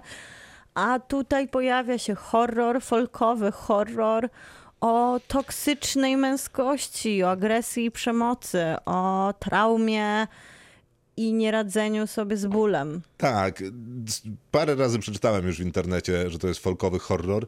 Ja tego, tam tego folku to jest A, folk tyle, co tym- koc napłakał, ale powiedzmy. w tym, wiesz, w tym, Przeczytałem też oczywiście, nie wiem jak to jest zrobić, zabawne. żeby nie spoilerować. Tak, rozumiem. Przeczytałem też, co, co jest zabawne, że to jest body horror, bo mam teraz wrażenie, że po prostu wszędzie można przykleić łatkę. To jest akurat wyją- Nie, no to wyjątkowo się zgadza. bardzo. To się ale- zgadza. Mamy tego Cronenberga w 3-4-minutowej sekwencji i myślę, że to wystarczy, żeby mu dopisać Tak, body horror. która jest super mocna. Pewnie jeszcze jakoś tak naokoło spróbujemy o niej porozmawiać, bo ona jest raczej w dalekiej drugiej połowie filmu. Historia jest chyba dosyć prosta. Jessie Buckley, czyli Harper, y, główna bohaterka, wyjeżdża z miasta, ponieważ miasto jej się źle kojarzy i chyba nie będziemy mówić dlaczego. Wszędzie jest to powiedziane dlaczego. Okej. Myślę, że to jest żaden spoiler. Okej, bo jej mąż popełnił samobójstwo. Tak, bo jej mąż popełnił samobójstwo, ona sobie z tym stratą nie może poradzić. Z różnych powodów emocjonalnych powiązanych z tym, jak będzie wspominać tą stratę i, i jak zakończyła się Relacja. ich relacja. Mhm. I ona wyjeżdża poza miasto, żeby odnaleźć siebie z powrotem, poradzić sobie z e, tą tragedią, która ją spotkała, odetchnąć trochę, pobyć samą ze sobą. Wsi Na- spokojna, wsi wesoła. tak, potrzebuje czasu, żeby pomyśleć i ułożyć sobie sprawy w głowie. No ale nie jest w najlepszym momencie swojego życia, bo to samobójstwo ją bardzo straumatyzowało, a postanawia w specyficzny sposób sobie z tym radzić, bo wynajmuje ogromne taki, nie wiem, walizki, mi się kojarzy, to nie jest, to nie jest określone miejsce, gdzie to jest, ale mi się kojarzy z takim walizką, Zas- willą. W zasadzie to jest określone razem z kodem pocztowym. I Gdzie to jest? Nie mam Walia, pojęcia. Szkocja, nie, nie wiem. Być, być może Szkocja. W każdym Niech razie będzie. taka ładna angielska wieś w starym domu, y, dużej, Ogromnym. wiejskiej posiadłości, może 500 bardziej lat, mówi bohater. niż y, dom. Tak, to Albo jest zabawne, więcej. bo mówi, że to niektóre elementy są y, szekspirowskie, w tym sensie, że Albo sprzed po- Szekspira. Przed szekspirowskie, tak. E, I to jest Rory Kinner i to niemalże wszystkie postaci, które zobaczymy na ekranie, bo Rory Kinner we wszystkich mężczyzn, których spotka Jessie Buckley, tam na wciela. miejscu się wciela. Jest jeszcze oczywiście ta osoba, która wciela się, ten aktor, który wciela się w jej męża I, jest jeszcze jej przyjaciółka. i czyli Jaki mamy most z rzeczywistością. w zasadzie cztery osoby i to wszystko. I to wszystko. A tak naprawdę jest to po prostu teatr dwóch aktorów. No i ona przy... e, Tak, oczywiście. I chociaż może bardziej tylko i wyłącznie Rorego Kinera, bo to on tam jednak robi mnóstwo tej aktorskiej No, roboty, wcierając się w, w kilka postaci. I nie, nie, nie, nie ma atakuje jej trudno, w bo żadnym ona sensie. musi płakać i krzyczeć cały czas. To jest naprawdę trudne do ogrania, żeby wybrnąć z tego aktorsko z Ale- podniesioną głową. Ale musi pójść też na spacer. Musi pójść na spacer. A na spacerze e, po lesie dzieją się dziwne rzeczy. Dzieje się dużo Malika najpierw. Ja sobie spisałem. E, Chcesz posłuchać? Proszę bardzo, ja też pisałam w trakcie seansu. Bo po prostu nie mogłem się oprzeć. Napisałem sobie tak. Jeśli chodzi o składniki na pretensjonalność, to są tutaj wszystkie. Proszę bardzo. Zabawa echem, Pretensjonalne w moich notatkach. zabawa echem, zbliżenia na gałęzie drzew. I przebitki słońca. Samotne spacery po lesie, samotne odbicia drzew w wodzie, O, odbijanie się w przebijające promienie słońca przez Mhm. gałęzie drzew. Okej, reszty nie dopisałem. Później trochę przeklinam w tych notatkach, więc może tyle. Jest, jest. Um, malikowe w podobnej nucie, tylko przeraskawione i kiczowate. Spójrzmy na te drzewa, spójrzmy na te liście, spójrzmy na tą wodę, która tak pięknie kapie. To są moje notatki. Mniej więcej tak to wygląda, a do tego jest jeszcze taki powtarzający motyw y, w ścieżce dźwiękowej, który brzmi mniej więcej tak. Ho, ho, ho, ho. Tak. Więc mam wrażenie, że nadchodzi Mikołaj. Nie wiem, dlaczego się nabijamy z tego filmu, Nie, nie, nie, ale ja to, to trochę robię. Bo ja sz- szeptałam do mojego ukochanego, Malik, patrz jaki Malik. Mówił, Malik był, nie był taki brzydki. No właśnie, bo Malik jest oczywiście super pretensjonalny, Jest. ale nigdy nie jest I, e, brzydki. Nigdy nie jest brzydki.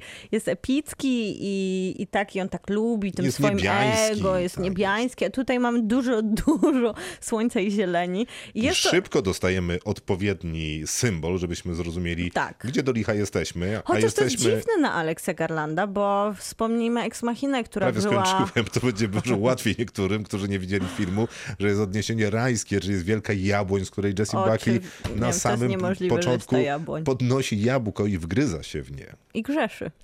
To nie ona grzeszy, bo wiadomo, że to przez cały film będą grzeszyć mężczyźni i to yy, męż... Oni, znaczy ona I grze... ten pierworodny grzech zostaje tutaj odwrócony, że to No właśnie. winny jest mu patriarchat, a nie kobiety. Ona, ona nieświadomie zjadając jabłko grzeszy, ale mężczyźni na pewno jej to Jabłko powiedzą, podrzucili. wytłumaczą, mansplaining przeprowadzą, a jeszcze ją za to ukażą, bo Tak to jest. jest. jakby tutaj ta idea.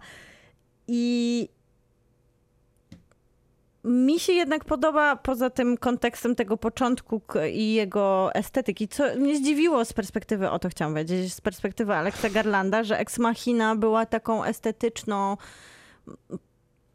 zamkniętej przestrzeni, przestrzeni estetyczną wyprawą w to, jak Alex Garland pieczołowicie podchodzi do wszystkiego. Była niesamowicie przygotowana do tego lokacja, taka No, pieczołowitość też nie tak pokazywania... wiele, przypominam, że to jest norweski hotel, ceny nie są aż takie wysokie. No ale świetnie to wyglądało Tak, to w prawda. debiucie i to jego oko później wróciło w Devsie.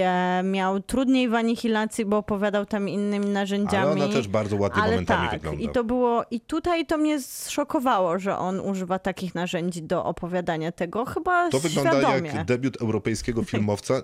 Y, Z całym szacunkiem do europejskich filmowców, bardziej mi chodzi o to, że tutaj jest po prostu troszkę mniej, albo w zasadzie znacznie mniej kasy niż na niezależne amerykańskie kino.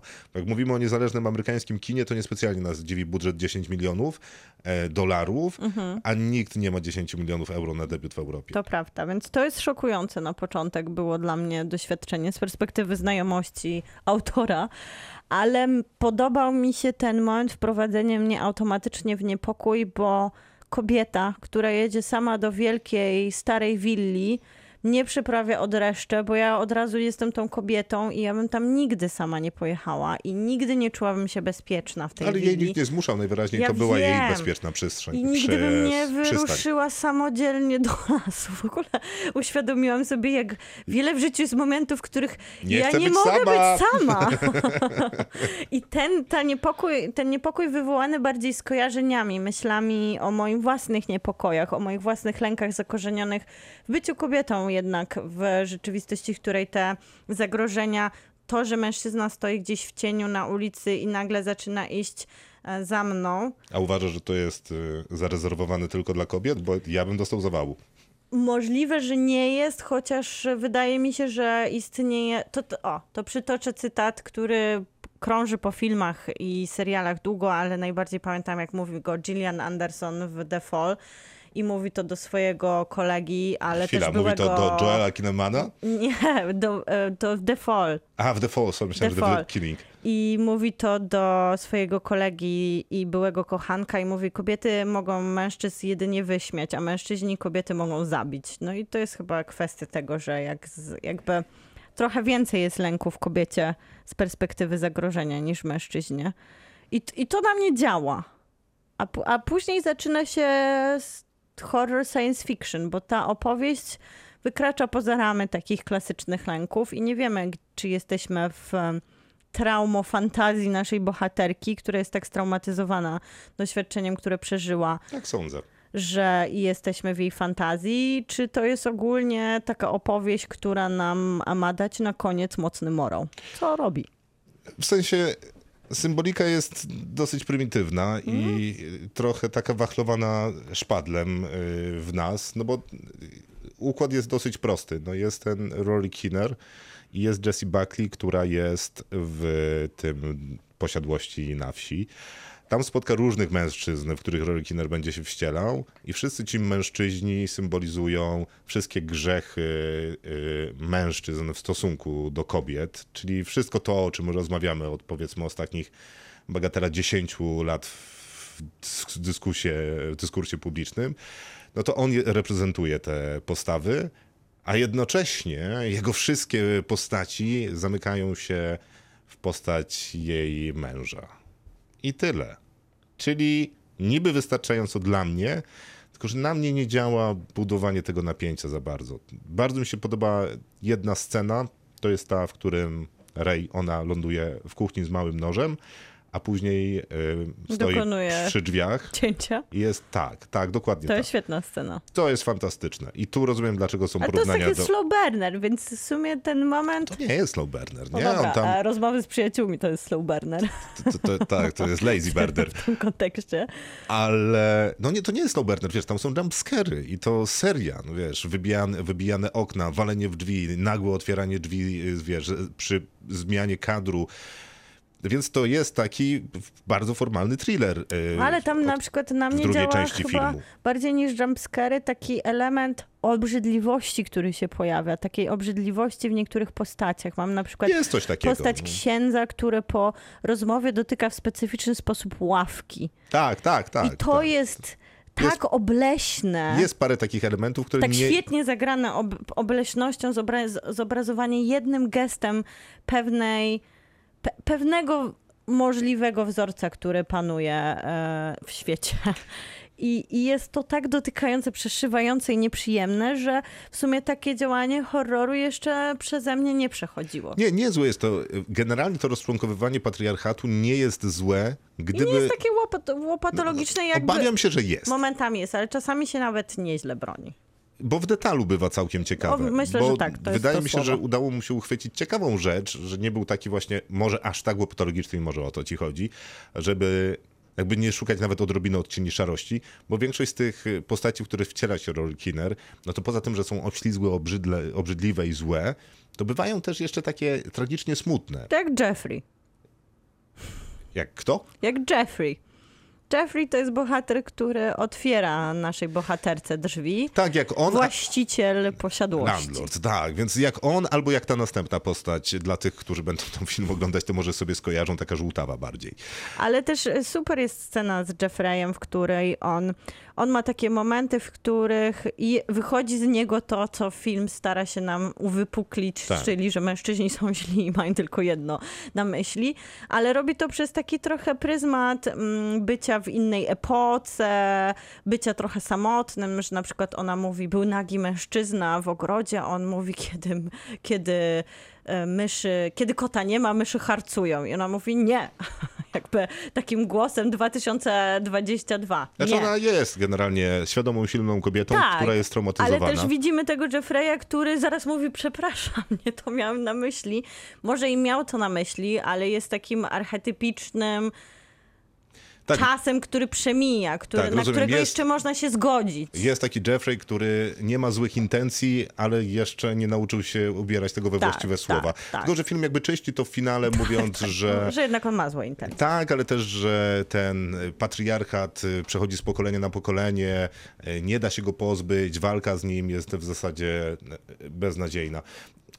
Nie wiem, może, bo to jest dydaktyczny film generalnie. I ja nie nie- cierpię ja nie dydaktyki kupuję, w filmach, nigdy. Albo jakby w ogóle nigdy. Nie lubię iść do kina. Wiesz, niby oglądam horror, fajnie, ale w międzyczasie zrób notatki, bo tutaj y, papa Alex będzie cię uczył. Nie, nie podoba mi się to, ani generalnie trochę. Mi się to podobało do tego finału, W sensie który, nie wizualnie, który wizualnie jest świetny, ale właśnie ten morał, który niesie, morał, który w sumie wykwita z całkiem niezłego Cronenbergowskiego body horroru, który jest taki po amerykańsku, taki łopatologiczny, taki No, nie podkreślony. wiem. Wiesz, i to że, to, że ten patriarchat y, No jak to tu ograć, żeby nie spoilerować?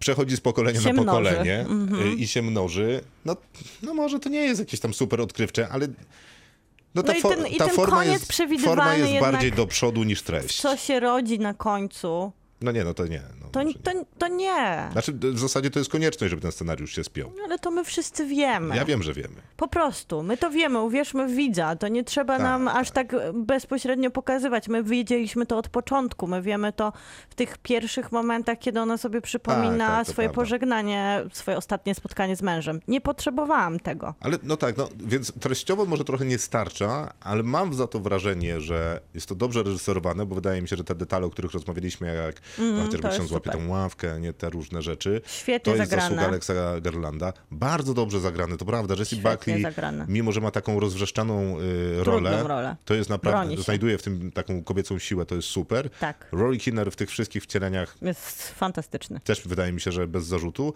Tam reszta obsady jest nieistotna, bo w zasadzie ich w tym Nikt filmie nie nie ma. ma. Y, Natomiast ja się na wizualnie też- wygląda dziwnie. Po tym Ale początku. nie wiem, czy on żartuje. Może on żartuje? nie, no na pewno nie z tym początkiem.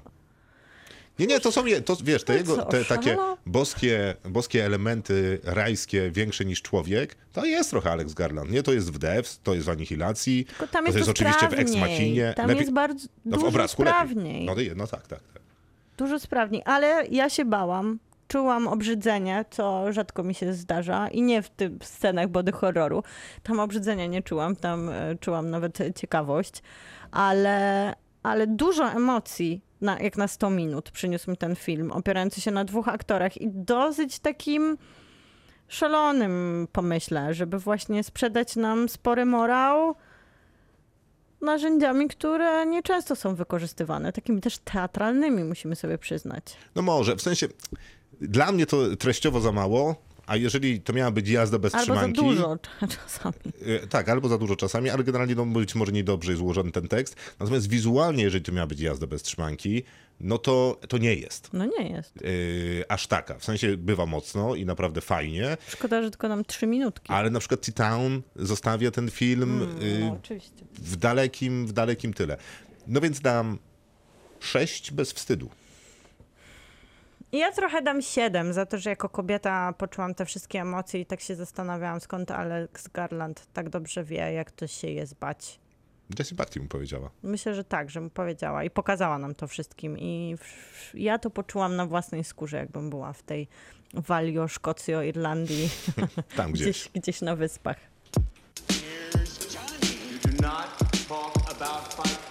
Kinotok. Film. Naprawdę nie było e, czego wybrać. Mm, Jest pewien błąd, który został do, dopuszczony, bo będziemy Bo rozmawiać było co wybrać, ale o przechwyceniu. źle. Pominy, pom, z braku dobrej komunikacji nie recenzujemy y, dokumentu Nawalny, który jest dostępny było na HBO Max, który był na lepiej. Millennium Dogs Against Gravity, który polecamy do obejrzenia, a tymczasem porozmawiamy o przechwyceniu. Numer jeden w Polsce na Netflixie. Film ciekawy, wydaje mi się, ciekawy dlatego, że no to jest jedyne, co znalazłam o nim ciekawego, że jest to debiut człowieka, który wcześniej zajmował się pisaniem pisaniem właśnie takich thrillerów Australijczyka, który napisał mnóstwo książek, część z nich była zekranizowana i on teraz jest reżyserem, a przy okazji za to scenariusz napisał mu człowiek, który napisał scenariusz do Obi-Wan Kenobi, serialu, który niebawem zobaczymy prawdopodobnie w Polsce. Ma chyba trzy czy cztery odcinki już. Tak, i do na przykład Australii, okropnego filmu, i 30 dni nocy, o którym wielokrotnie tutaj mówiliśmy, i do G.I. Joe. To 30 dni i nocy w ogóle wraca na, na Netflixa. Tak? Za jakoś za miesiąc, dwa i chyba Hiszpanię robią. Naprawdę? Tak. No to ciekawa informacja dla mnie, bo właśnie tak się rozmawia o filmie Przechwycenie. Bo tu mam kartkę z naszym planem na resztę, więc dużo No przeglądałem. świetnie. Y, Tak, o filmie Przychwycenie nie będzie się rozmawiało dobrze, ale pokrótce powiem, że ten pan, o którym mówisz, nazywa się Matthew Raley. E, Film jest Tak, jest, numerem e, jeden na reżyser. Netflixie. Elsa Pataki gra J.J. Collins. To jest chyba jedyna postać w zasadzie, która ma cokolwiek zbudowane w tym filmie. Nie, bo jest jeszcze jej przeciwnik. No więc, jak mówię, jedyna postać. Okej, na szybko. Y, Rzekomo są dwie bazy amerykańskie, które służą wykrywaniu ewentualnie wystrzelonych y, rakiet noszą, niosących ładunek nuklearny w kierunku Stanów Zjednoczonych. I w momencie, w którym te stacje, jedna na Alasce bodajże, a druga gdzieś w nieznanym miejscu oceanu, jak wykryją te rakiety, to strzelają swoje rakiety. No I więc one je przechwytują i niszczą. Stąd Przechwycenie, wspaniały tytuł. co jest w zasadzie tam wytłumaczone razem z wykresem na samym początku filmu. Tak. No i ta baza w Alasce w drugiej scenie filmu zostaje zneutralizowana przez kogoś tam, a następnie ta baza na Pacyfiku zostaje zaatakowana. Ale zanim zostanie zaatakowana, to J.J. Riley na nią przyjeżdża. J.J. Collins, Przepraszam, J.J. Collins. y, czyli y, taka heroina.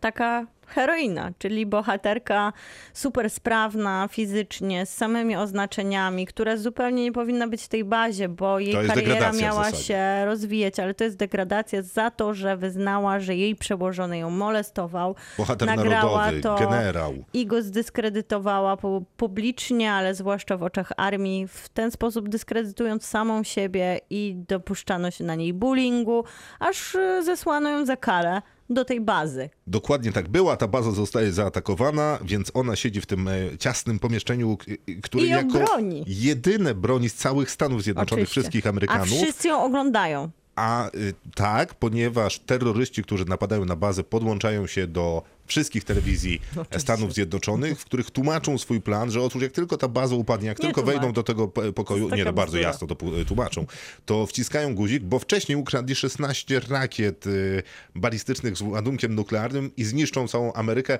w jakimś tam sensie dla jej dobra, bo Ameryka no, jest bo zgniła. make e, America great again, tak mówią, bo Tak, tak, bo zgniła, jest zgniła, trzeba ją bo wysadzić i emigrantów i w coś ogóle tam. obiecywała, a robi to syn, obiecywała rzeczy, które się nie stały, czyli że miała być great, a robi to syn dyplomaty, czyli wykształcony młody człowiek, który oszalał i lubi mówić dużo patetycznych wypowiedzi, odwracając się do swojej świetnej edukacji, cytując greckich zdobywców i to był rzymski zdobywca. Przepraszam, ale ja nie mogłam. Przewijałam, takie bzdury z jego ust wychodziły. To jest To naprawdę... jest także spec od tortur na przykład. I to jest w ogóle ciekawe, bo oni posługują, bo oni mówią tylko takimi, e, jak to się mówi, one-linerami, twardzieli. Więc on na przykład mówi... E, Nie, on nie mówi one-linerów. mówi, mówi. On ma oj, ciągle mówi. przemowy. Nie, nie, nie, nie. On ma dużo one- one-linerów. E, A może, może bardziej J.J. Collins faktycznie mu odpowiada takimi... Tak w stylu. No On mówi do niej. "Ut- utnę ci palec. Ona odpowiada... No to zobaczymy, najpierw musisz tu wejść. I wciska jakiś tam guzik, który wiem, zamyka drzwi na przykład. Generalnie leje tych terrorystów Cały czas. cały czas, jak się da. Robi to bardzo brzydko. Scenografia i cała ta baza jest obrzydliwa. Efekty specjalne są żenujące. Jak to wszystko źle wygląda. Ja Pani miałam wrażenie, Elsa Paczaki że- jest też fatalną aktorką. W tym filmie przynajmniej Wszyscy wypada tragicznie. Tak, oczywiście, bo Luke Bracey, który gra tego wspomnianego rzymskiego generała, też jest naprawdę fatalny. Czułam się jakbym oglądała kasetę VHS z lat Tak. 80. przy okazji, gdzie Chuck Norris albo Van Damme albo Seagal został podmieniony za kobietę. Mnie najbardziej jednak Seagal tutaj pasował. Przypominał mi się która- Liberator na O statku. właśnie, która z jednej strony miałaby dawać w 2022 kobietom głos, ale wygląda trochę ona i jej przeciwniczka, druga jedyna kobieta tam, jak takie Helgi, tamta ma dosłownie warkocze zrobione i jest kobietą gigantem. I wydaje mi się to jednak troszkę troszkę obraźliwe na to, że ten film postanowił wcisnąć wszystkie najważniejsze współczesne tematy i tak bardzo stara się być na bieżąco, że wypada jak taki zdeterminowany chłopak na imprezie, który chodzi za każdą dziewczyną z takim przygotowanym właśnie punchlinem, który Tak, wydawałoby tak. się, że jest najlepszy i wymyślał go przez ostatnie dwa tygodnie przez tą imprezą, Wiesz, ale mi- wszyscy go przejrzeli. Wiesz, czego mi tylko brakowało w tym filmie, żeby mieć takie pełne doświadczenie lat 80., żeby przy każdym uderzeniu w twarz kogoś albo. przy- Ha, psz, a, a, pszu, psz, psz, psz, psz. Dokładnie i byłoby świetnie. To Dlatego- jest film, do którego po, powinniśmy podkładać treści, robiąc hacz, Dlatego ci napisałem e, jeszcze przed dzisiejszym programem, że dam temu filmowi 2 na 10, ponieważ w pewnym momencie się świetnie bawiłem sam podkładając pod niego dźwięki. A to czemu mi nie napisałeś tego? Może bym się lepiej bawiła. Myślałem, że wpadniesz na to. Chciałem ci zostawić nie, ja byłam, tę przyjemność ja byłam odkrywania. zniesmaczona, ale najbardziej zniesmaczona byłam dopiero później, jak otworzyłam Rotten Tomato, gdzie okazało się, że połowa krytyków amerykańskich rozumie mój ból, ale druga połowa naprawdę tym, tym no takim na siłę podbijaniem, właśnie odhaczaniem tych znaczków, że to powiemy, tamto powiemy, to jest ważne w tym momencie. Hindusi są ważni, kobiety są ważni, Hindusi, czyli emigranci są ważni, kobiety są ważne, w ogóle oczywiście Ameryka jest ważna. Mniejszości są ważne. Wszystko, wszystko, Wszystko co najważniejsze jest tutaj powiedziane. w Rakiety takich... są ważne. I, ame- I część amerykańskiej krytyki naprawdę przyjęła to do serca. I wtedy stwierdziłam, że to jest 0 na 10. Nie, to jest ciekawe. W sensie, ja nie rozumiem, jakim cudem powstał ten film. Nie rozumiem, Nie da się tego oglądać, to naprawdę jest bardzo brzydkie. nie jest, ale efekty też są fatalne na przykład. Nie wiem, tam ktoś napisał, "Si, ale jak oni się biją, jakie chore- choreografie walki. No nie wiem, nie wiem, może jakieś zostały sceny bonusowe od Netflixa. Może ja obejrzałem jakiś inny film, może są dwa albo przechwycenia. ja, może są dwa przechwycenia. Tego się nie da oglądać. Nie da się tego oglądać. Na poważnie się nie da i na, Na niepoważnie, niepoważnie też się nie nie da. da. Bo ten film nie ma za krzty dystansu do siebie. Nie, nie, nie, naprawdę fatalna rzecz. Nigdy więcej nie jak będziemy się nawet tego kończy, ten finał powinien być jakimś wiralem i memem. Krzysztof Majewski. Miłosława Bożek. Bardzo dziękujemy, to był Kinotok. Jutro jesteśmy Kinotok podcastem, dostępnym wszędzie tam, gdzie słuchacie podcastów. Przede wszystkim oczywiście na Spotify'u, gdzie zawsze szukamy subskrybentów, więc jeżeli nie jest to dla was problem, kliknijcie To zaproście obserwuję. wszystkich swoich znajomych, rodzinę. Możecie też obcych ludzi zapraszać do tego.